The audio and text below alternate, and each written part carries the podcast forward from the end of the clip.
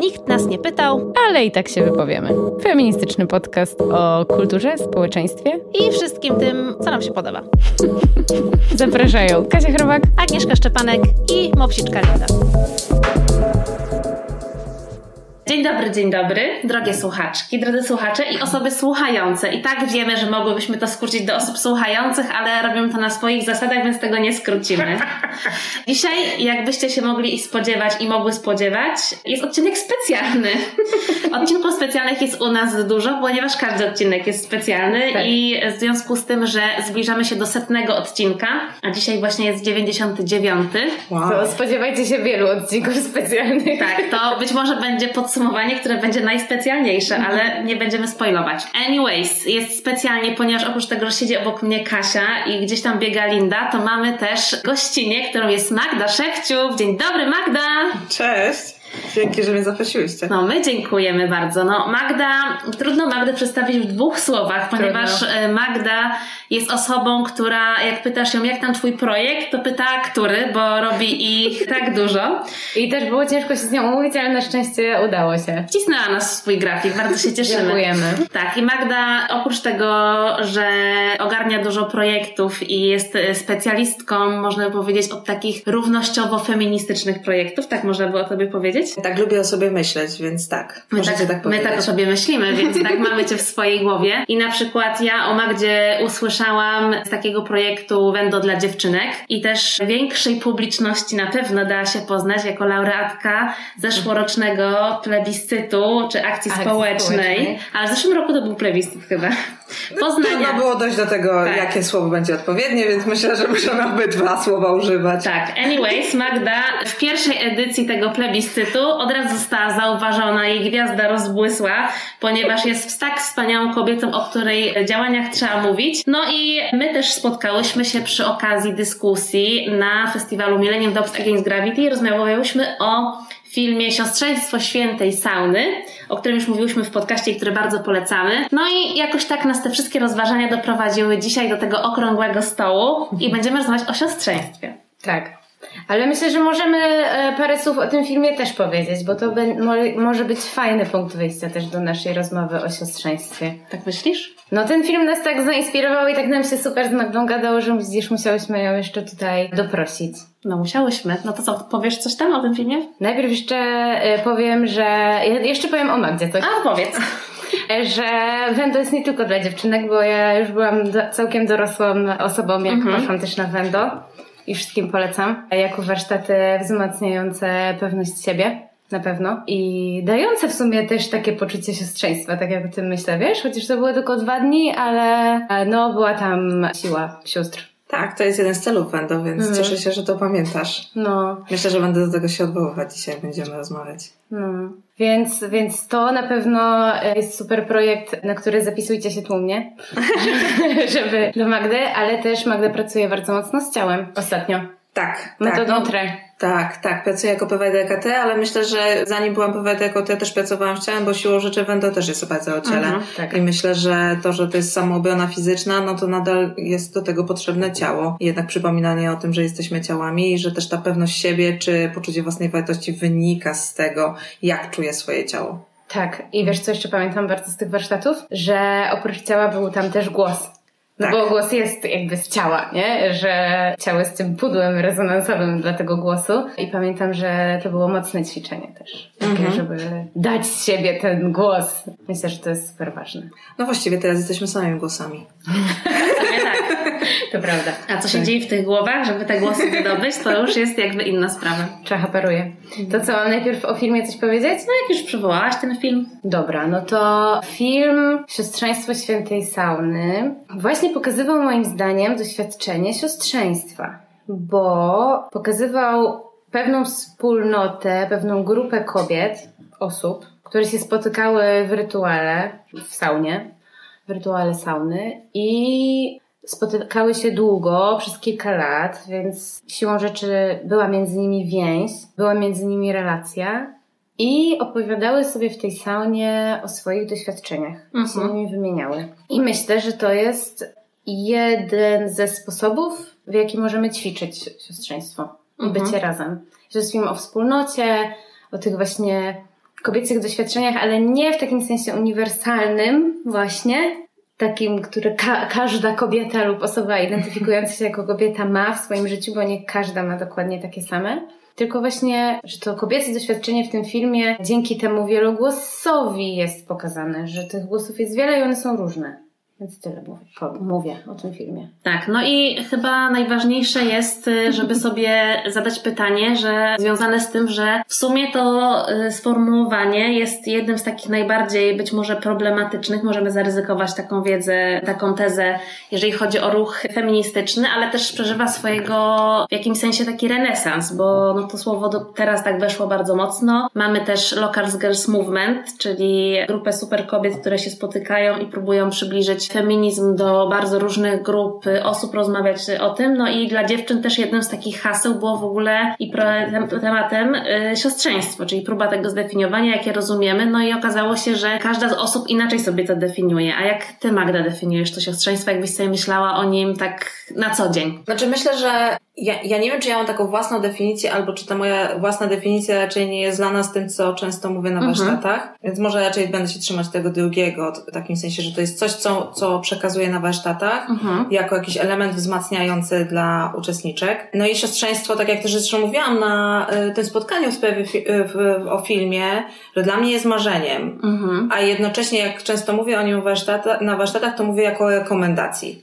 Okay. W takim sensie, że ja nie wierzę, że istnieje coś takiego jak naprawdę taka, takie siostrzeństwo, siostrzeństwo w takiej idealnej wersji, że w ogóle siostrzeństw jest wiele, tak jak jest wiele kobiet, wiele jest grup kobiecych, wiele jest w ogóle myśl, różnego rodzaju myślenia w ogóle o kobiecości, jako tak już nie o byciu kobietą, ale w ogóle o kobiecości. No i w tym obszarze będzie bardzo dużo definicji, dużo różnych perspektyw patrzenia na siostrzeństwo. No a ja myślę o siostrzeństwie jako wspólnocie, ale bardziej o solidarności i o wzajemnym wsparciu i raczej myślę też o siostrzeństwie jako narzędziu do wzajemnego wzmacniania siebie. Mhm. I to też często mówię o tym, że to nie o to chodzi, że jak widzę kobietę, to teraz do niej lecę, że to jest moja przyjaciółka i że teraz będę ją przymuszać, żeby ze mną była blisko mhm. i że koniecznie musimy tworzyć relacje.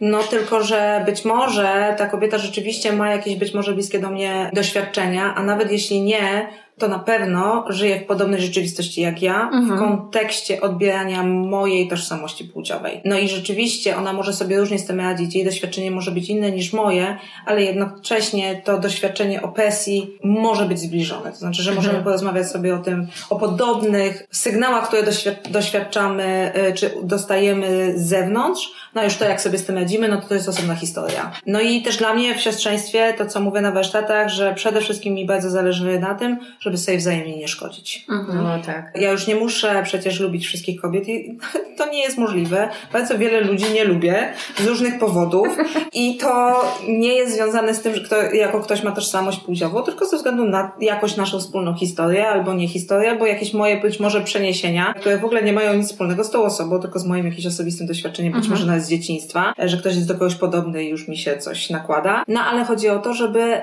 nie wspierać albo nie wzmacniać, albo łapać się właśnie na tych takich przekazach z kultury patriarchalnej, które nakazują wręcz albo jakoś tak nas układają do tego, żeby rywalizować z innymi kobietami. No i to jest kawałek, w którym bardzo często można komuś zaszkodzić. Albo mhm. nie usłyszeć czyjegoś głosu, który jest tak naprawdę informacją o tym, czego doświadcza dana osoba, ze względu na opresję czy dyskryminację. Mhm. No bo sobie myślę, że moje doświadczenie jest najmojsze i najważniejsze i specjalne, mhm. a czyjeś już takie specjalne nie jest. Mhm. I ono, ta osoba już tak sobie już nie może uznawać tego jako specjalne. No i wtedy zaczynają się jakieś po prostu trudności. I myślę, że to jest też kluczowe w kontekście siostrzeństwa, żeby widzieć też jednej strony wspólnotę, ale jednocześnie te, tej wspólnocie bardzo wiele różnic, które wymagają też czasami większego wysiłku w tworzeniu więzi czy relacji. Mhm.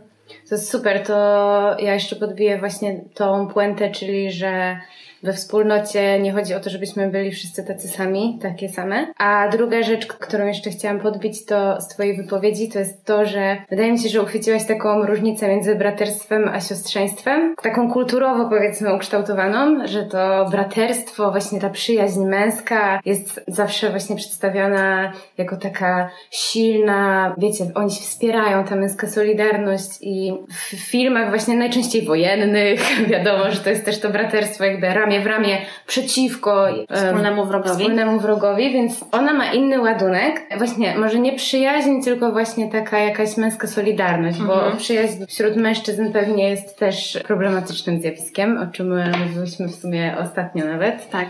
O jej braku. E, o jej braku, ale na przykład właśnie w miejscu pracy obserwujemy często taką męską solidarność, nie? Albo jakby taką solidarność w ogóle z mężczyznami, bo ona jest, nie jest nie tylko pomiędzy mężczyznami, ale mhm. wobec mężczyzn, nie? Mhm. Że, że to jest jakby to, w przeciwieństwie do właśnie relacji pomiędzy kobietami, chociażby właśnie w miejscu pracy, gdzie do, dominuje jednak ta rywalizacja i że okej, okay, mamy oczywiście też dużo przekazów kulturowych i o, o przyjaźniach kobiecych, ale mamy też duży taki przekaz właśnie, że są grupki, nie? Tak wszystkie filmy o amerykańskich liceach, nie? Są grupki, właśnie też są lepsze, gorsze osoby, ta przyjaźń czasem taka toksyczna, jest ta genialna przyjaciółka Eleny Ferrante, która też problematyzuje pokazuje tą kobiecą przyjaźń i że, no a w miejscu pracy jest właśnie często ta rywalizacja, więc chciałam tylko powiedzieć, że to siostrzeństwo byłoby takim super antidotum na tą właśnie rywalizację wyuczoną w nas przez patriarchat, którą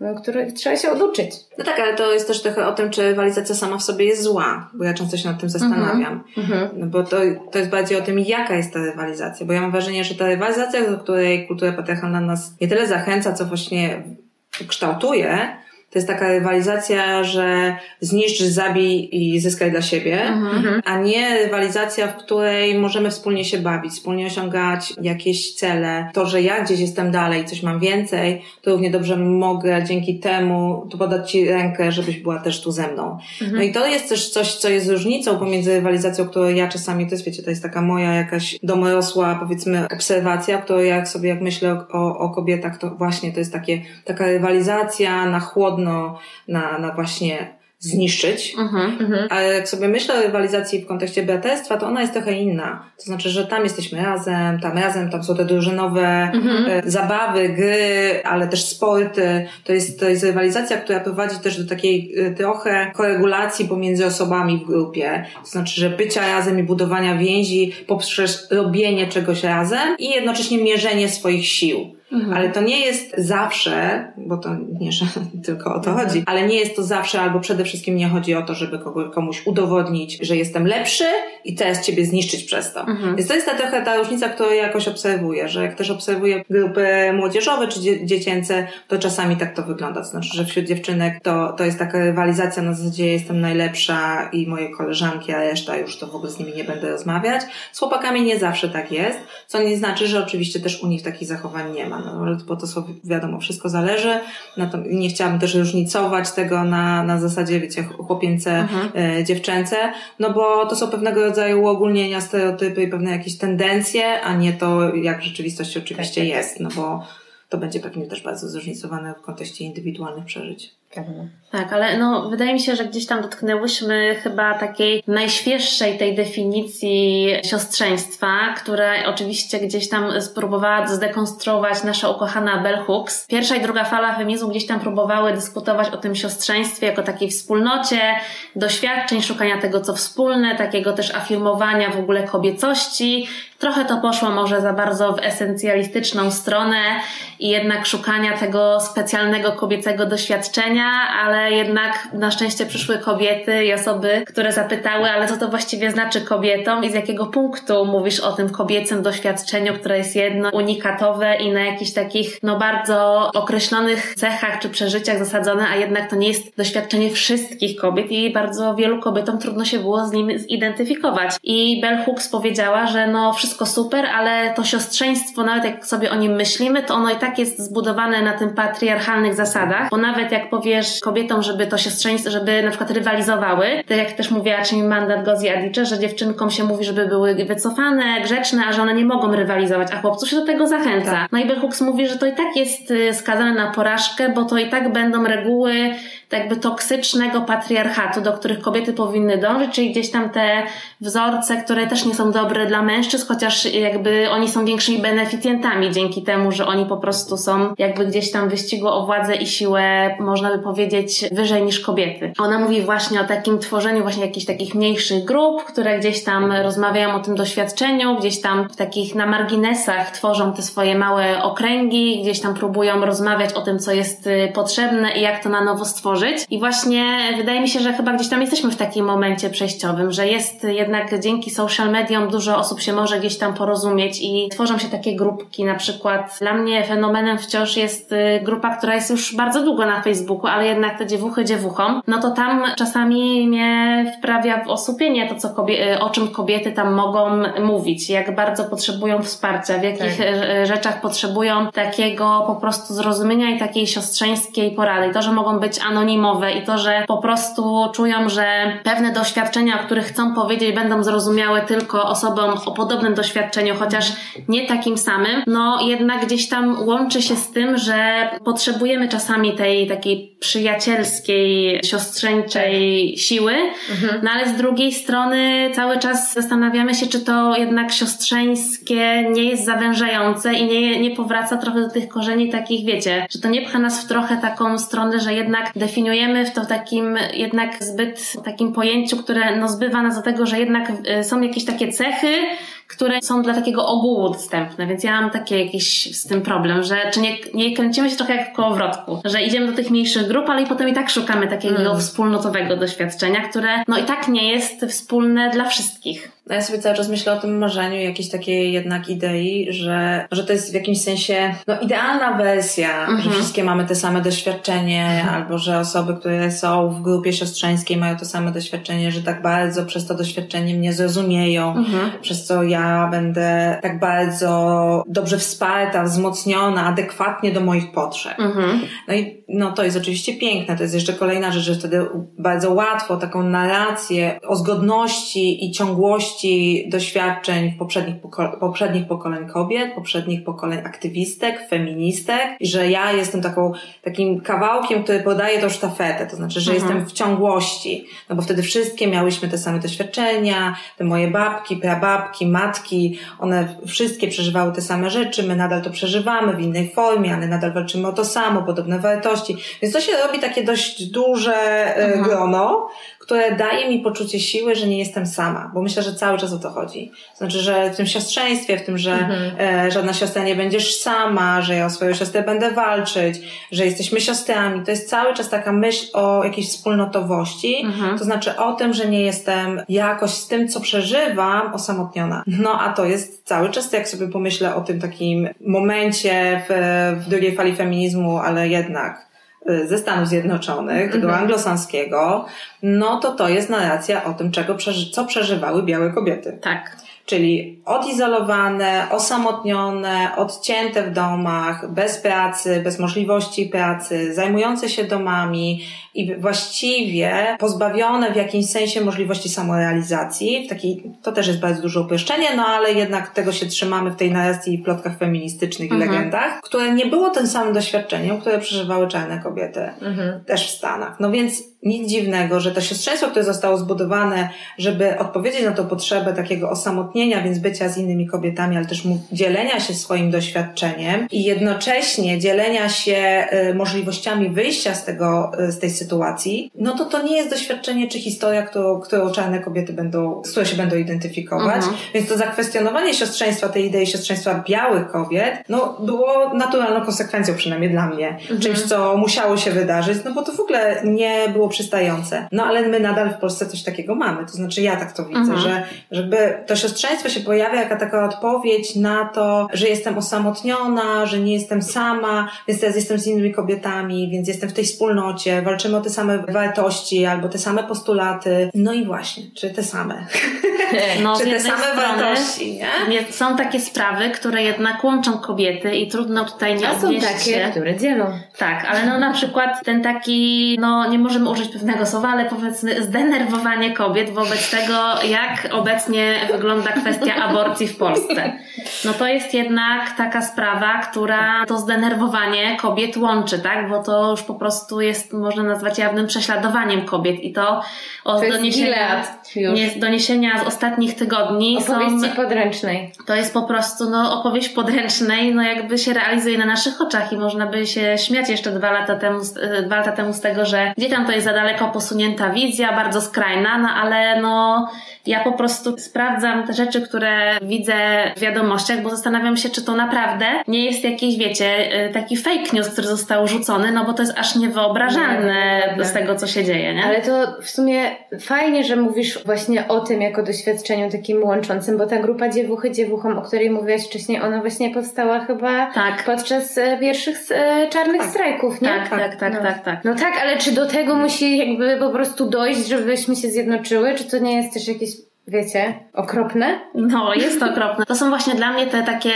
łączące jakby sprawy, które są dla nas kobiet ważne, albo nawet dla tych kobiet, dla których y, na przykład doświadczenie ciąży, czy osób, które nie chcą mieć tego doświadczenia ciąży, albo nie są w stanie. No, są różne sytuacje. No, ja na przykład nie jest to chęć mojego doświadczenia, no, ale sam fakt, że sam wybór mógłby zostać zakwestionowany mi samej albo komuś, kto jest mi bliski, albo w ogóle komukolwiek, co wydaje się naturalnym, moją osobistą decyzją, no to już jest taki coś, co mnie po prostu wkurza, delikatnie mówiąc. No tak, ale wiesz. Ale poczekaj, no bo chodzi mi o to, że no jakby jest takie doświadczenie wspólne, które nas łączy i potrafimy je znaleźć i to jest chyba jakaś taka, musiałaby być ogólna, jakaś taka, nie wiem, no nie, sprawa, ale potem wydaje mi się, że jak, jak przychodzi do szczegółów, to się dzielimy na my i wy.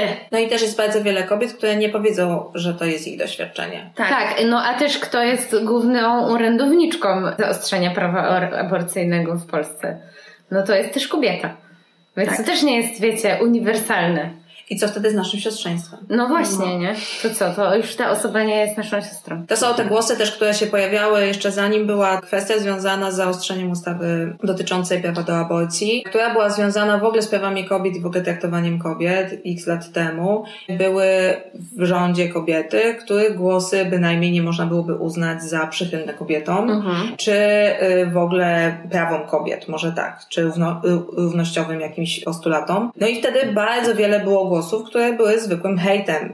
Mm. No i teraz te głosy były też często ze strony kobiet. I to jest na ile my, no to jest trochę o tym moim cały czas, co myślę o nieszkodzeniu. Mhm. To znaczy, że to nie o to chodzi, że ja mam się zgadzać z tym, co ta osoba mówi, bo mi się może to nie podobać. Tylko, żeby nie używać tych samych, tego samego języka, którego używa patriarchat, mhm. E, do tak naprawdę deprecjonowania głosów czy postulatów kobiet. No bo mhm. najczęściej to tak jest. Mhm. Znaczy, to są zawsze naj, takie przytyki dotyczące urody, dotyczące mhm. inteligencji, dotyczące chorób psychicznych, emocjonalności, tak jakby mężczyźni emocjonal, emocji nie mieli. Mhm. No, tych wszystkich aspektów, które są uznawane za tak zwane kobiece, no i one są wtedy no, no takie hiperboli po prostu wyciągane i po prostu do, doklejane do osoby jako coś, co ma zdyskredytować absolutnie te słowa, które y, dana y, osoba przekazuje. No i to się też działo na przykład z Pawłowicz, mhm. posłanką. Mhm. No i oczywiście... Poseł, Panią poseł, bo ona... Panią poseł, przepraszam. Ona nie chciała być tak, posłanką. Panią poseł. No więc to jest trochę o tym, że oczywiście się mogę z tym nie zgadzać, no ale dlaczego mam iść w tę narrację dotyczącą jej wyglądu, dotyczącą jej inteligencji, dotyczącą dyskredytowania jej osiągnięć naukowych i tak dalej. Ja mogę mówić, że no to nie do końca jest zgodny z tym, jak ja myślę, mogę dyskutować, mogę jakoś podchodzić do tego krytycznie, ale jednak mam trudność z tym, że te same argumenty są używane po to, żeby właśnie okopywać się w, w tej grupie my-oni, mhm. żeby w tym takim podziale, który cały czas jest w Polsce i on jest bardzo silny i to jest też nasze historyczne po prostu uwarunkowanie i myślę, że to jest też trudne z tego wyjść. Myślę, że to nawet nie jest w Polsce tylko wszędzie, mhm. że jeżeli ktoś myśli inaczej niż ja, no to siłą rzeczy już nie jest ze mną. No więc to też jest o siostrzeństwie, to znaczy, że to jest taka, taka nadzieja, że wszystkie kobiety, które że, że jeżeli to jest kobieta, to ma podobne doświadczenie do mnie, to znaczy, że jest po mojej stronie, to znaczy, że jest w mojej ekipie i że, że ta mhm. moja społeczność, która mnie wspiera, będzie większa. To i Linda chciałaby chyba tam coś jeszcze tak, dopowiedzieć. Tak, Linda się pcha do mikrofonu tak. I wędruje z moich kolan na kolana Magdy cały czas. Most z kolan musi być zrobiony dla niej. Tak, no więc to jest też, tak sobie teraz pomyślałam właśnie o Lindzie, no to to jest chyba trochę o głaskach. To znaczy, że cały czas chcę dostać głaski za to, że, że to, to jak, jak myślę i to, co, co jest dla mnie ważne, że to jest właśnie najważniejsze i że to jest jedyne słuszne myślenie o rzeczywistości. No ale właśnie w kontekście siostrzeństwa czasami to przy takiej narracji umykają jakieś inne doświadczenia. Mhm. No i to, tu mamy bardzo wiele przykładów, no i już obecnie, jak już sobie myślimy nawet o współczesnym feminizmie polskim, to już nie jest jednym feminizmem, jak było 15 czy 20 lat temu, kiedy jak się mówiło, jestem feministką, o super, to jesteśmy w jednej drużynie, to teraz y, to, że ktoś jest feministką, no to trzeba zadać jeszcze kilka dobrych pytań, żeby, żeby się upewnić, czy... Gdzie jesteśmy? Z której strony tak, tego tak, tak, ruchu tak. jesteśmy, no bo może się okazywać, że w kluczowych dla, dla mnie kwestiach się bardzo różnimy, mhm. no i może jest to osoba fe, feministycznie jakoś wyedukowana i jakoś jest w pewnych postulatach feministycznych się zgodzimy, na przykład w kontekście prawa do aborcji, ale już w kontekście na przykład włączania e, osób trans do ruchu feministycznego, mhm. to tutaj będziemy się drastycznie różnić, co może wywołać we mnie bardzo wiele złości. Mhm. Więc no tak, to ja sobie myślę, że w tym sensie już siostrzeństwo jest trudne. To znaczy, że moja przyjaciółka i kotyneka na niebiesko często mówi o tym, że siostrzeństwo to jest wyboista droga. Mhm. No i ja się z tym bardzo zgadzam. Mhm. To znaczy, że żeby rzeczywiście trzymać się tej takiej idei siostrzeństwa, wspólnotowości i solidarności, no to nie zawsze będzie łatwo. To znaczy, że nie zawsze będzie tak, że będę otrzymywać właśnie głaski, poklask i, i będzie, będę sobie siedziała na kanapie z, z przyjaciółkami i popijała jakiś dobry napój i, i, i będziemy sobie mhm. je spijać z dzióbków, tylko będzie będzie bardzo też w tym dużo różnic, dużo trudności i też niestety mierzenia się z trudnościami, które każda z nas ma względem jednak kultury patriarchalnej i różnych sposobów radzenia sobie z opresją. Hmm. No bo to też, tu też jest bardzo wiele strategii i one niekoniecznie mogą być po linii mojej wizji siostrzeństwa. No tak, ale bo tak sobie myślę, że już dałaś trochę receptę na to, jak to siostrzeństwo robić. W sensie takie minimum, co możemy zrobić, to przynajmniej sobie nie dokopywać, nie? No i to nie jest łatwe. No. Dzień dobry. Albo wiecie, że możemy się nie zgadzać, ale musimy się szanować, nie? I tak sobie myślę, że tak chyba jest też z siostrami, nie? W sensie, nie chcę mówić, kto ma siostrę, ten wie, bo jakby też nie trzeba mieć siostry, żeby to wiedzieć i też różnie osoby mają ze swoimi siostrami. Mówię o takiej mhm. relacji pokrewieństwa. No ja akurat mam tak z siostrą, że jesteśmy do siebie podobne z wyglądu, wiecie, z zachowania, ale też jednak jesteśmy różne pod wieloma względami, mimo tego, że jakby wychowywałyśmy się w tym samym domu i mieszkałyśmy w tym samym pokoju bardzo długo. Także a i tak jesteśmy podobne, ale różne, nie? ale że to też jest trochę tak, że z tą siostrą, oczywiście różne są też właśnie sytuacje i historie rodzinne, ale racz, raczej będziemy się starać zrobić wszystko, żeby się nie, nie rozejść, żeby te nasze mhm. drogi się nie rozeszły, nie? I że z siostrą tak jest, że wiadomo, no czasem po prostu nie da się dogadać, mhm. nawet z siostrą, nie? I to są smutne sytuacje, ale właśnie przez to, że jest ta siostra i że to jest, wiecie, ta więź, to będziemy się starały jednak to naprawić, tak mi się wydaje. Chciałabym, żeby tak było. Tak, ale właśnie tak sobie teraz pomyślałam o, o właśnie takich też przyjaźniach, które na przykład ja mam i takiego doświadczenia, bo mam takie szczęście, że na przykład y, mam w swoim życiu kobiety, które znam od 26 lat. No to jak wow. siostry. Tak, to jak siostry. No i te przyjaźnie te miały bardzo różne okresy. Czasami były okresy takiego bardzo bliskiego siostrzeństwa. Czasami to było wciąż duża przyjaźń, ale wiedziałyśmy, że musimy być trochę dalej, żeby potem znowu być bliżej. I to oczywiście jakby ewoluowało z czasem, bo na przykład w czasach gimnazjum po prostu na trzy lata się rozdzieliłyśmy i tylko mijałyśmy się na korytarzu z nienawistnym spojrzeniem spojrzenie. Ale w końcu liceum nas znowu połączyło i nasza miłość odżyła przez cztery lata, po prostu się tam przecierała w tym liceum. Połączyła nas znowu na wspólnych studiach polonistycznych. Pozdrawiam Cię Arieta bardzo serdecznie.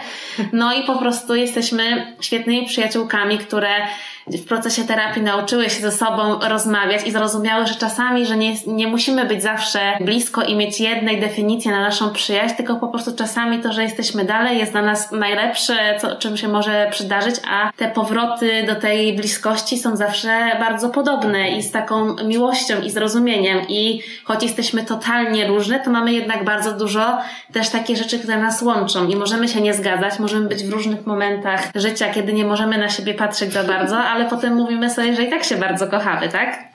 No właśnie. I wydaje mi się, że no jest tak y, z innymi siostrami, czy osobami siostrzeńskimi, które gdzieś łączy nas doświadczenie albo na przykład jakaś taka wspólnota myśli na jakiś temat, ale jednak są takie czasami różnice, które, w których się nie zgodzimy, albo mm. jakiś jest taki opór związany z tym, że na przykład mam koleżanki w pracy, które można powiedzieć, łączy nas doświadczenie takich przeżyć związanych z tym, że jesteśmy kobietami. Na przykład jak był temat miesiączki albo jakichś takich pierwszych miłości czy czegoś, no to miałyśmy swoje wspólne kobiece doświadczenie. Ale na przykład, kiedy są jakieś tematy i ktoś powie coś, ja mu powiem halo, halo, ale może jednak powinniśmy tak, no to ja już widzę, że czasami niektórzy przewracają oczami, bo ja znowu muszę coś powiedzieć i po prostu one się czują, mam wrażenie, że to, że ja zakwestionuję to, że ktoś myśli inaczej, że to jest jakimś takim atakiem. I to jest jakby też kwestia takiego podejścia, jakby czy my potrafimy się skonfrontować z tą inną wizją takiego siostrzeństwa, niezgadzania się tego, jak nawet myślimy o jednym temacie, tak, razem, bo możemy się zgadzać co do aborcji na przykład, ale y, ja mam takie przyjaciółki, które mówią, no, że one jednak y, byłyby w trochę innej sferze, jeżeli chodzi o samo takie prawodawstwo. No i mhm. jakby trochę mam z tym duży problem, no ale jednak wciąż je uważam za moje przyjaciółki, chociaż jest to trudne, tak? Mm. No. To chyba jest o tym, jak w ogóle budujemy więzi i relacje. To znaczy, że są jakieś punkty styczne, które z kimś mam bliżej tutaj, z kimś mam bliżej tam. Mhm.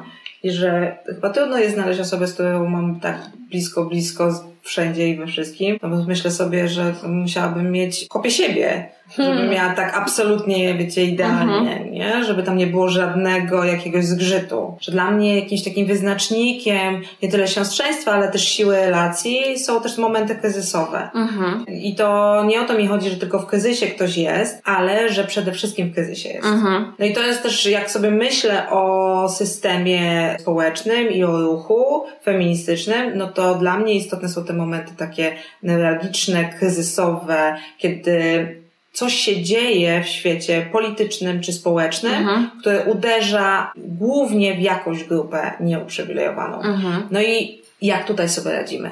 Mhm to jest dla mnie jakiś taki wyznacznik, czy barometr siostrzeństwa, czy, czy budowania więzi, no bo to jest trochę o tym też, jak w ogóle historia siostrzeństwa wyglądała. To na, na początku jednak był ten, jak ta feministyczna plotka niesie, nawet w Wendo o tym mówimy, że na początku jednak to był ten wątek związany, że pie, kobiety po raz pierwszy zaczynały mówić w ogóle o przemocy, jakie doświadczają mhm. jako o czymś nieprywatnym, ale publicznym. I że to doświadczenie przemocy ze względu na płeć, czy dyskryminacji ze względu na płeć, to był ten taki punkt styczny, na którym właściwie wy, wykwitło, czy jakoś y, wyrosło pojęcie siostrzeństwa. Ta idea, że w tym siostrzeństwie będziemy się wzmacniać, jesteśmy silniejsze razem, dajemy sobie wzmocnienie, wsparcie, ale też e, informacje, co możemy ze sobą zrobić, mhm. ale też wzajemnie w ogóle pomoc. To znaczy, że, że tak, ja pojadę do ciebie w nocy i będę cię wyciągać z tego domu, w którym doświadczasz przemocy, będę cię wzmacniać w tym, żebyś tam nie wróciła, że będę cię wzmacniać w tym, żebyś po prostu zaczęła od nowa i uwalniała się od tego, co jest dla ciebie destrukcyjne i niedobre. No, ale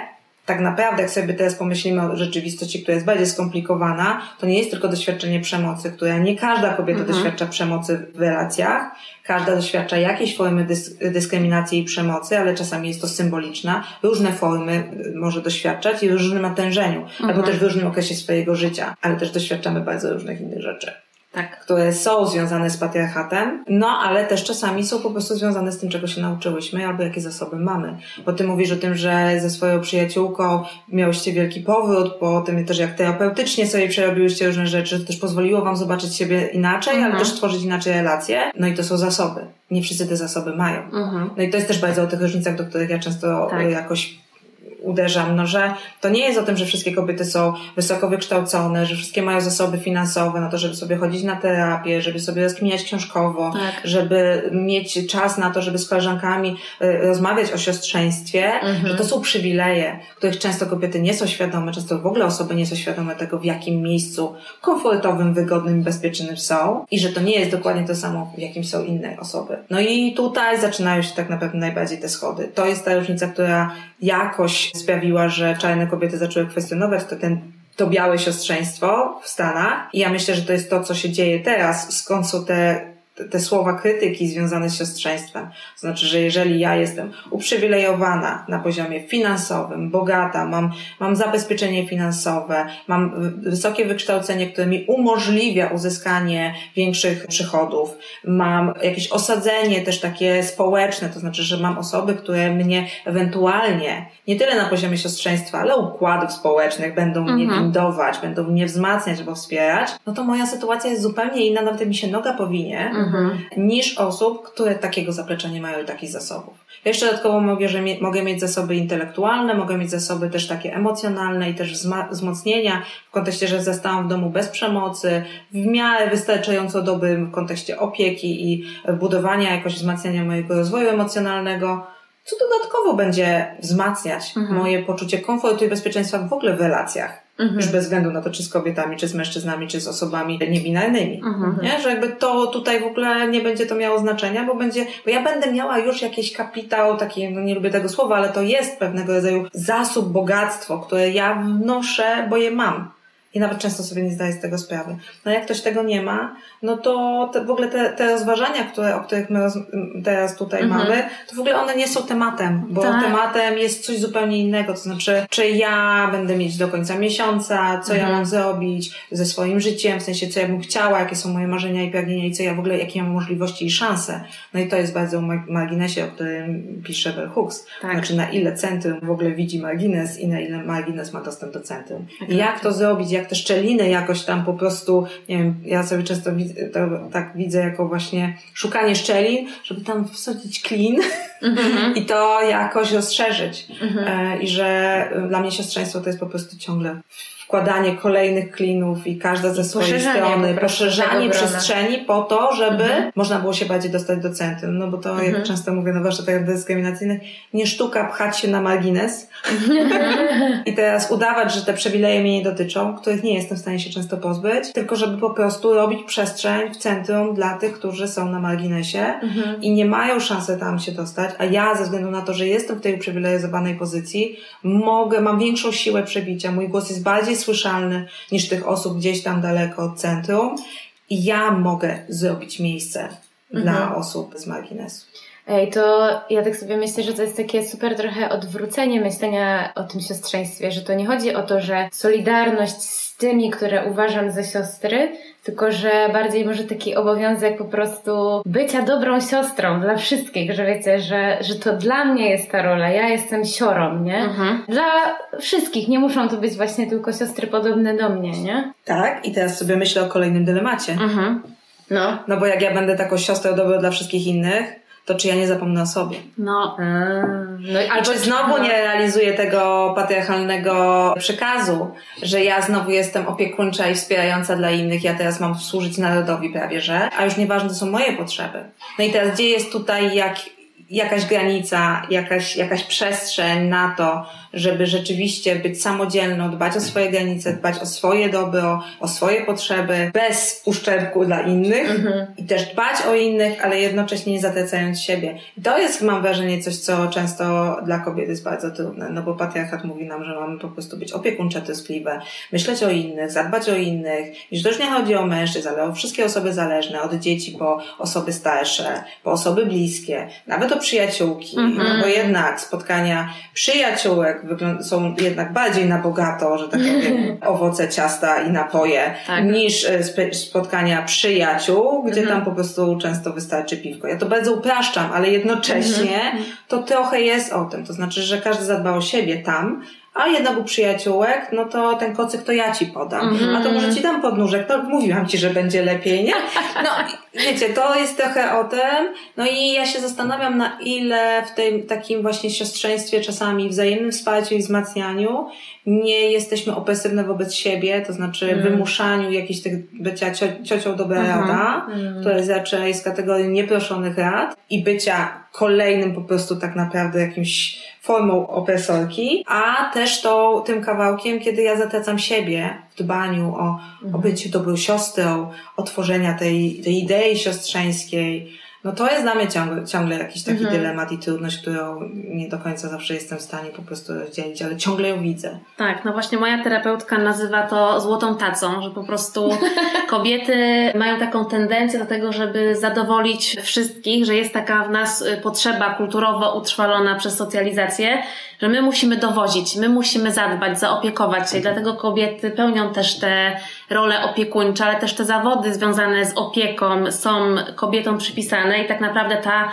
rewolucja zawodowa, która się teraz odbywa i z której mężczyźni zaczynają być trochę wykluczeni, polega na tym, że teraz właśnie są doceniane przez kapitalizm te funkcje i zawody opiekuńcze, do których mężczyźni w ogóle nie mieli dostępu, bo one były, wiecie, no, jako coś, czego oni, nie chcą robić, no bo to jest, wiecie, gdzieś tam na marginesie ktoś to robi tą czarną robotę. Okazuje się, że no jakby bez tego, bez tych takich usług opiekuńczych jest nam coraz trudniej żyć. Mhm. A z drugiej strony właśnie ta opiekuńczość, ta służalczość, można by powiedzieć, jest, jak to powiedziała ostatnio jedna z naszych y, znajomych w dyskusji, czy to nie jest taki kaganiec, który się właśnie ten patriarchat zakłada na kobiety i czy to nie jest o, też to, o czym mówiła Bell Hooks, że jednak to siostrzeństwo jest takim patriarchalnym wytworem, no bo znowu na kobiety nakłada tą całą, na te barki misję za to, żeby wszystkich uratować, że mhm. nie dość, że musisz zadbać o siebie, spełnić te wszystkie role, być superwoman, po prostu chodzi, mieć super karierę, być super mamą, jeżeli chcesz, być w ogóle świetną przyjaciółką i w ogóle jeszcze nie wiadomo ile roli spełnić i jeszcze w ogóle zadbać o pokój na świecie, żeby wszystkim było super. I jeszcze musisz super wyglądać przy tym. No dokładnie. No mhm. i zastanawiasz się jakby, gdzie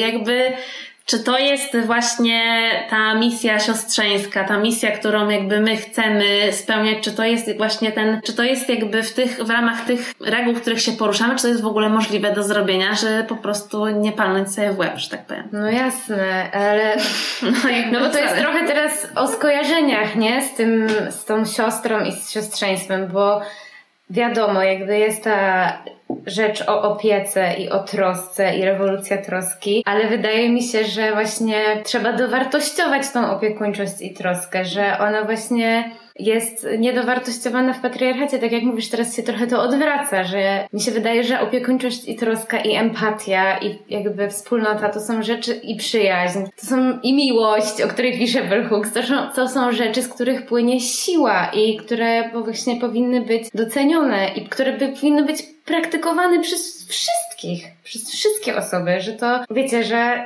to powinna być uniwersalna zasada. No tak, ale czy na właśnie nie nakładamy tej jakby misji niesienia tego właśnie w tym siostrzeństwie na kobiety? No nie, właśnie myślę, że nakładajmy ten obowiązek na wszystkich.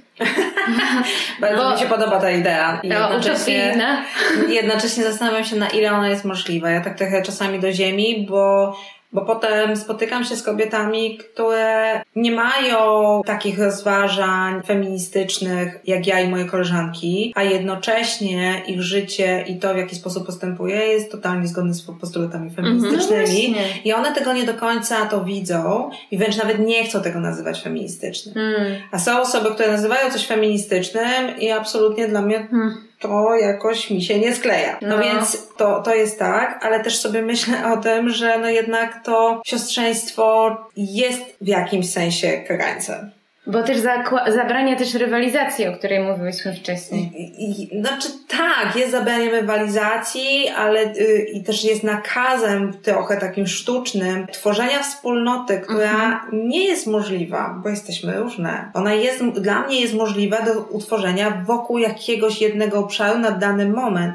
I sobie myślę, że to nie jest tylko wobec kobiet, że to w ogóle jest o grupach społecznych i tworzeniu wspólne. Mhm. To znaczy, że my możemy się być wspólnotowi według jakąś wspólnotę tworzyć wokół jakiegoś obszaru, to znaczy wioskę ekologiczną tworzymy, ponieważ wszyscy mamy mniej więcej takie podobne spojrzenie na, nie wiem, permakulturę, na to, że to jest jakiś, jakaś forma radzenia sobie z tym, w jakim miejscu jesteśmy jako ludzkość w kontekście klimatu yy, i jakiejś strategii przetrwania, ale też tego, co jest mi bliskie, jak chcę wychowywać swoje dzieci albo jak chcę żyć. Dobra, ale jednocześnie już tutaj, jak się zacznie rozmawiać o innych obszarach dotyczących ludzkiej egzystencji, mm -hmm. może być bardzo wiele różnic. Mm, I wewnątrz tej wspólnoty mogą się nie zgadzać już w wielu obszarach. Więc ja sobie trochę bardziej jestem jakoś tak przy tym, żeby tworzyć wspólnotę na jakiś czas, według, według jakichś obszarów i nie tworzyć nakazów. A jakoś mhm. dla mnie ja bym chciała mieć, jak już mówimy o ewolucji troski, czy o jakichś takich wartościach, które są związane, czy jakichś cechach, które są przypisywane kobietom, to ja bardzo sobie myślę o tym, że ja bym chciała, żeby kobiety w siostrzeństwie odczepiły się trochę od innych kobiet mhm. e, i żeby odpuściły sobie perfekcjonizm, który też jest takim pokłosiem mhm. tego, jak bardzo patriarchacie mamy być idealne, to ty powiedziałaś mhm. pięknie, po prostu to całą e, taką narrację dotyczącą tego, jakie my mamy być i ile mamy zrobić, no bo w feminizmie bardzo wiele powinnyś. I teraz na ile rzeczywiście to nie jest znowu inna forma odtwarzania tego samego. Znaczy odtwarzania ciągle takiego znowuż rywalizowania, to znaczy która jest bardziej feministyczna, mm. która jest bardziej siostrzeńska, mm. której, której wartości i działania są bardziej pióry czyściutkie w kontekście postulatów feministycznych aktualnych dla mojej grupy feministycznej, mm -hmm. trzeba to też jeszcze podkreślić. Konkurs na najlepszą e, feministę. Tak. Mm -hmm. No i teraz na ile w ogóle też te cechy też takie, które są przypisywane kobietom rzeczywiście przez kapitalizm są e, dowartościowywane, bo one są potrzebne, one są zauważane przez mm -hmm. kapitalizm, ale nie są tak samo nagradzane. I jakoś to jest też coś, co w feminizmie bardzo mi cały czas od wielu lat przeszkadza, to znaczy, że mówimy o różnicach wynagrodzeń, mówimy o, o różnych kwestiach związanych z tym, że wiele zawodów sfeminizowanych nie jest wynagradzanych na równi z tymi, które są zmaskulinizowane mhm. i że jest różnica i jest dostrzegalna różnica na rynku pracy i rynku płac pomiędzy kobietami nawet na tych samych stanowiskach, a mężczyznami, a mimo wszystko w ruchach feministycznych bardzo rzadko mówimy o wynagradzaniu się wzajemnie. I to nawet ja mów, nie mówię już nawet o pieniądzach, które uważam, że byłyby najlepszą formą, to znaczy dążenia do tego, że jeżeli pracujemy w organizacji po, y, pozarządowej czy w jakiejś grupie feministycznej, feministycznej, to jeżeli mamy jakieś środki, to wynagradzamy się za swoją pracę, mhm. a nie, nie, nie zbieramy tylko fundusze albo dajemy sobie wzajemnie z różnych grup pieniądze tylko i wyłącznie na działania. I to jest coś, czego ja nie rozumiem i nawet y, często so, kłócę się z różnymi organizacjami, które mówią, że, że działają na rzecz wzmacniania dziewczynek, wzmacniania kobiet, a jednocześnie tak konstruują swoje regulaminy grantowe, że nie można mieć pieniędzy tam na wynagrodzenia. Mhm. Jak to w ogóle się skleja? Mhm. Albo w ogóle zakładają, że po prostu ktoś coś zrobi, po prostu tak, o, tak. dla idei. No i to no. jest znowu to, że kobiety po prostu mają to zrobić, po prostu są dobrymi e, osobami. Muszą dać dobry przykład, jak starsza są, siostra. Z natury są dobre, uczynne, pomocne i wspierające, no więc to jest ich obowiązek, żeby to zrobić, bez względu na ich koszty emocjonalne, na koszty hmm. ich czasu, koszty ich finansowe. Nieważne, co one mają do zrobienia, to jest hmm. ich mhm. obowiązek. No i w feminizmie też to doświadczam, to znaczy, że jest, jakby to jest dyskusja, która ciągle ciągle się gdzieś pojawia, ale niestety to gdzieś umyka i, i najczęściej to widzę. Znaczy, że finansowo wynagrodzeń jest bardzo mało, nawet przy jakichś festiwalach feministycznych. Mhm. Ja wiem, że tam nie ma pieniędzy, ale też nie ma myślenia o tym, żeby te pieniądze były. Tak. Ale to jest bardzo też takie, mam wrażenie, też tego kawałka kobiecego, znaczy te, tych takich właśnie cech, które się przypisuje kobietom, że mi się też nie należy. Hmm co jest też taką zinternalizowaną po prostu narracją na temat tego, co kobiety mogą, czego nie mogą. No i jakoś po prostu ja bym chciała, żeby chociaż była ta kultura po prostu wynagradzania się choćby podziękowaniem, taką gratyfikacją łącznie z tym, z celebracją mm -hmm. tego, co mhm. dokonałyśmy. Tego ja nie doświadczyłam w grupach feministycznych, bo nigdy nie było czasu. I to jest też o tym, jak tworzymy aktywizm, jak tworzymy mm -hmm. też mhm. aktywizm feministyczny. Gdzie jest tam, czy jest tam miejsce w ogóle na to, żeby sobie wzajemnie podziękować, docenić się, ile mm -hmm. każda z nas zrobiła, mhm. jaki wkład, jak dużo zrobiłyśmy razem, tak. No. I też myślę, że też czego mi brakuje właśnie w działaniu feministycznym, w aktywizmie i że jest często tak, że to jest taki, że się koncentrujemy wokół, wiecie, tych pesymistycznych rzeczy, nie? Tego, co jest do naprawienia, tyle jest jeszcze do zrobienia, to jest straszne, to jest okropne, to mnie spotkało. I wiecie, jakby, że nie ma miejsca też w tym wszystkim właśnie raz na wdzięczność i na to bycie razem i na tą wspólnotę, ale też w ogóle, wiecie, na takie, na wspólną radość, na celebrowanie, na święto, na zabawę, nie? Tak.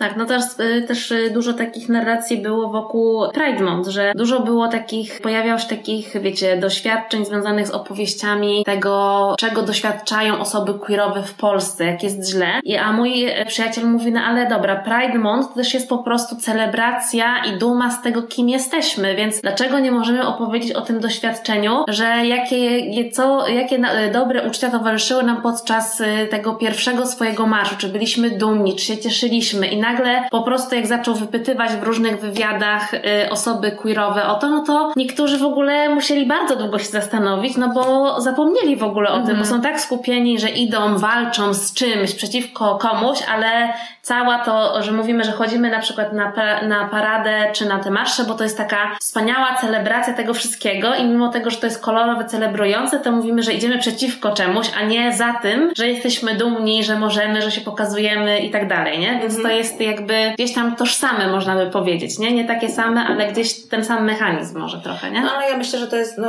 też w jakimś sensie konsekwencja tego po prostu, co się doświadcza na co dzień. Mm. No jeżeli na co dzień się doświadcza opresji, codziennie y, w jakimś sensie osoby queerowe w Polsce może im towarzyszyć y, lęk przed wrogością -hmm. albo nienawiścią ze strony osób, które jak się dowiedzą o czyjejś tożsamości, to mogą nie zareagować tylko i wyłącznie radością, akceptacją i -hmm. przyjaźnią, no to ten stres, który ma swoją nazwę, jest to stres mniejszościowy, cały czas się w ciele ma. -hmm. No i Marsz Równości czy Pride to jest jeden dzień w roku.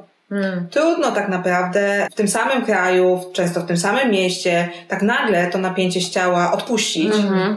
i powiedzieć, to dzisiaj to nie muszę, bo dzisiaj idę w tłumie mm-hmm. tysięcy ludzi, którzy teraz razem ze mną celebrują moją tożsamość, teraz się mogę wyluzować. To jest bardzo trudne. Mm-hmm. Ja, się, ja się nie dziwię, że osoby nie są w stanie tego zrobić bez takiej codziennej pracy też nad tym, żeby zobaczyć, w którym miejscu jesteśmy w Polsce. Mhm. Znaczy ja się staram bardzo o tym pamiętać, no bo inaczej bym chyba nie miała w ogóle już energii na działanie. Znaczy jak ja bym się skupiała skupiała tylko na tym, co nie działa w Polsce, to naprawdę nie wiem, czy y, chyba, czy miałabym chociaż odrobinę energii, żeby wyjść z łóżka. Mm-hmm. No bo bardzo wiele rzeczy nie działa ale jednocześnie bardzo wiele rzeczy działa. I że tak, to jest trochę też o tym, co się dzieje w kontekście aktywizmu klimatycznego. Tak, Ziemia płonie. Nie ma co tutaj po prostu mieć do tego wątpliwości. Mamy wszyscy po prostu. Literalnie płonie. Tak, i tutaj wiele gwiazdek po prostu, jak bardzo mamy prze. Mhm. E, natomiast jednocześnie to nie znaczy, że nie mogę pojechać w góry i zobaczyć tych pięknych po prostu krajobrazów i przez chwilę poczuć po prostu kontakt z ziemią z moich mhm. bosych stóp mhm. i, i, i po, doświadczyć przyjemności z bycia w, w przyrodzie i w świecie i w tej na, tak naprawdę na tej pięknej planecie, po to, żeby zebrać energię do tego, żeby za chwilę znów dalej działać, żeby ten piękny kawałek ziemi nadal takim pozostał. Mhm. I ja sobie myślę o tym, że no dla mnie jest super ważne to, żeby znajdywać te kawałki, które są już za nami, to znaczy, że już je mamy, to już mogę sobie powiedzieć, to mamy odhaczone na liście. Mhm. Nie jest tak, że jest ich bardzo dużo, ale też nie jest ich mało. Tak naprawdę, jeżeli sobie pomyślimy o tym, kiedy kobiety w Polsce y, wywalczyły prawa wyborcze, a gdzie jesteśmy teraz, tak. no to to nie jest tak, tak, tak naprawdę strasznie ani niedawno, ani bardzo dawno. To jest zaledwie tam trochę ponad 100 lat. No ale dużo to się zadziało przez te 100 lat. Strasznie dużo się zadziało. Bardzo dużo się zadziało, bardzo wiele rzeczy y, się wydarzyło na świecie i każda z nas, to, że jak tutaj też siedzimy, jesteśmy tak naprawdę y, owocem tego, co wywalczyły poprzednie pokolenia feministek, wtedy emancypantek czy sufrażystek, to w zależności od kontekstu kulturowego. To, że mogłyśmy się edukować, mhm. to, że możemy pracować, to, że możemy chodzić w spodniach, to, że mamy dostęp jednak do Y, leków y, antykoncepcyjnych, y, tabletek antykoncepcyjnych. Mamy też tak naprawdę dostęp do tabletek poronnych. Mhm. Może nie jest on legalny, być może nie jest, ale mamy bardzo dużą sieć wsparcia mhm. mhm. i mamy bardzo dużo wypracowanych rzeczy, zarówno legalnych, jak i nielegalnych, tych, które są oficjalne i uznawane już za coś totalnie oczywistego. To, że, to, że kobiety pracują, że mają możliwość albo że się edukują, że są na uczelniach wyższych, to jest oczywiste, że, że, że tam jesteśmy. Nie jest już oczywiste, że zostaje większość kobiet na doktoratach albo albo że zostaje lektorkami czy dziekankami, ale jednocześnie już tam jesteśmy. Mhm. Więc ileś rzeczy już jest wypracowanych i teraz jest cały czas o tym, żeby udoskonalać to, gdzie jesteśmy. Ja bardziej staram się o tym tak myśleć, to znaczy, że uderzniamy jakieś znowu sposoby bycia w rzeczywistości, poszerzamy tą przestrzeń dla, dla, dla kobiet i innych grup, no bo też feminizm to nie jest nie jest dla mnie tylko o kobietach. Oczywiście. Mhm. Tylko jest po prostu w ogóle o różnych grupach, które nie mają przywilejów w tym świecie. Mhm. No i też o tym, żeby trochę podważać to, to, to wygodne miejsce, w którym są te grupy uprzywilejowane, więc tak naprawdę y, roli i, i miejsca cispłciowych mężczyzn, heteroseksualnych, białych, którzy y, też nie wszyscy, ale w dużej mierze no, nawet nie wiedzą, o czym my tu rozmawiamy. Mhm. E, I w ogóle nie, wie, nie słyszą tych głosów gdzieś tam z marginesów, że tam krzyczy tysiące mhm. ludzi i miliony, tylko po prostu są w takim miejscu, że tam tego nie słychać. Na tym wygodnym, miękkim tronie. Nie muszą w ogóle tego słyszeć. I nie muszą w ogóle tego słyszeć, po co mają się tym przejmować, jak mogą po prostu się zająć swoim po prostu wspaniałym życiem. No. To jest też taka chyba o docenieniu tego, jakim miejscu jestem i o tym, żeby widzieć przywileje. To znaczy, że przywileje... Ale też własne. Własne, własne no. przywilejów oczywiście. To jest o tym, że, że no, wielu nie posiadam, Mm. ale bardzo wiele posiadam. Mm. No i też często, przynajmniej w aktywizmie, jest bardzo wiele osób, które jakieś te zasoby mają, które, które sprawiają, że w ogóle są w tym miejscu, w którym są. Tak. No, czyli siostrzeństwo w naszej chyba konkluzji to jest w ogóle praca nad wspólnotami mm-hmm. i chyba zniesienie tego ciężaru, że jeden ruch ma nas uratować i jedna wielka recepta znajdzie się kiedykolwiek na to, żeby wszystkich zadowolić i jedna pigułka szczęścia, chociaż mm-hmm. dziękujemy psychiatrze te pigułki szczęścia. czasami nam pomagają. No i wydaje mi się, że no jest dużo takich punktów, które będą zapalne, nad którymi będziemy dyskutować, ale wydaje mi się, że to chyba nie chodzi o to, żeby dążyć do tej odpowiedzi, która nam ostatecznie powie, że tak jest i dziękuję, możemy w ogóle już iść i wszystko zostało, wszystkie nasze problemy rozwiązane, no bo nigdy tak nie będzie. My się zmieniamy, kobiety się zmieniają, osoby utożsamiające się jako kobiety się zmieniają, osoby, które myślą o ruchu feministycznym i chcą się nazywać feministkami, feministami czy osobami feministycznymi. Robią to dlatego, że ten ruch się zmienił i ta myśl społeczna, filozoficzna, kulturowa, jakkolwiek ją nazwiemy. I dla mnie to jest ogromna wartość, że ona się poszerza, nie tylko to doświadczenie mhm. kobiet, ale też doświadczenie w ogóle osób właśnie identyfikujących te przywileje i zaznaczające te punkty zapalne, które sprawiają, że patriarchat powinien spłonąć. Tak. Tak. No. Amen. To mamy podsumowanie. No właśnie się za, zrobiło podsumowanie. No tak. Chcesz no. coś jeszcze Magda dodać za podsumowanie? Nie, bardzo mi się podoba ta puenta. No mi też. tak, no to dziękujemy, że wysłuchaliście tej rozmowy. Mam nadzieję, że do czegoś doszłyśmy ostatecznie. Chociaż same zobaczymy. Nie, nie, ale siostrzeństwo to też jest ciągły wysiłek i ciągła tak. krytyczna autorefleksja, więc nie musieliśmy tam do nie. tego, nie ma punktu dojścia, jest nie ma. tylko podróż. Tak. Myślę, że też ciągła praktyka mhm. i weryfikowanie na podstawie doświadczenia. Mhm. Tak. Więc z tym pięknym akcentem A Woman e, do usłyszenia. Tak. tak I dzięki. Magda. Dzięki bardzo. Nikt nas nie pytał, ale i tak się wypowiemy. Feministyczny podcast o kulturze, społeczeństwie i wszystkim, co nas zainteresuje. Zapraszają Kasia Chrobak i Agnieszka Szczepanek. I Mowsieczka Linda. Tak, czasami. Producentem podcastu jest Estrada Poznańska. Wszystkie odcinki znajdziesz na estradapoznań.pl.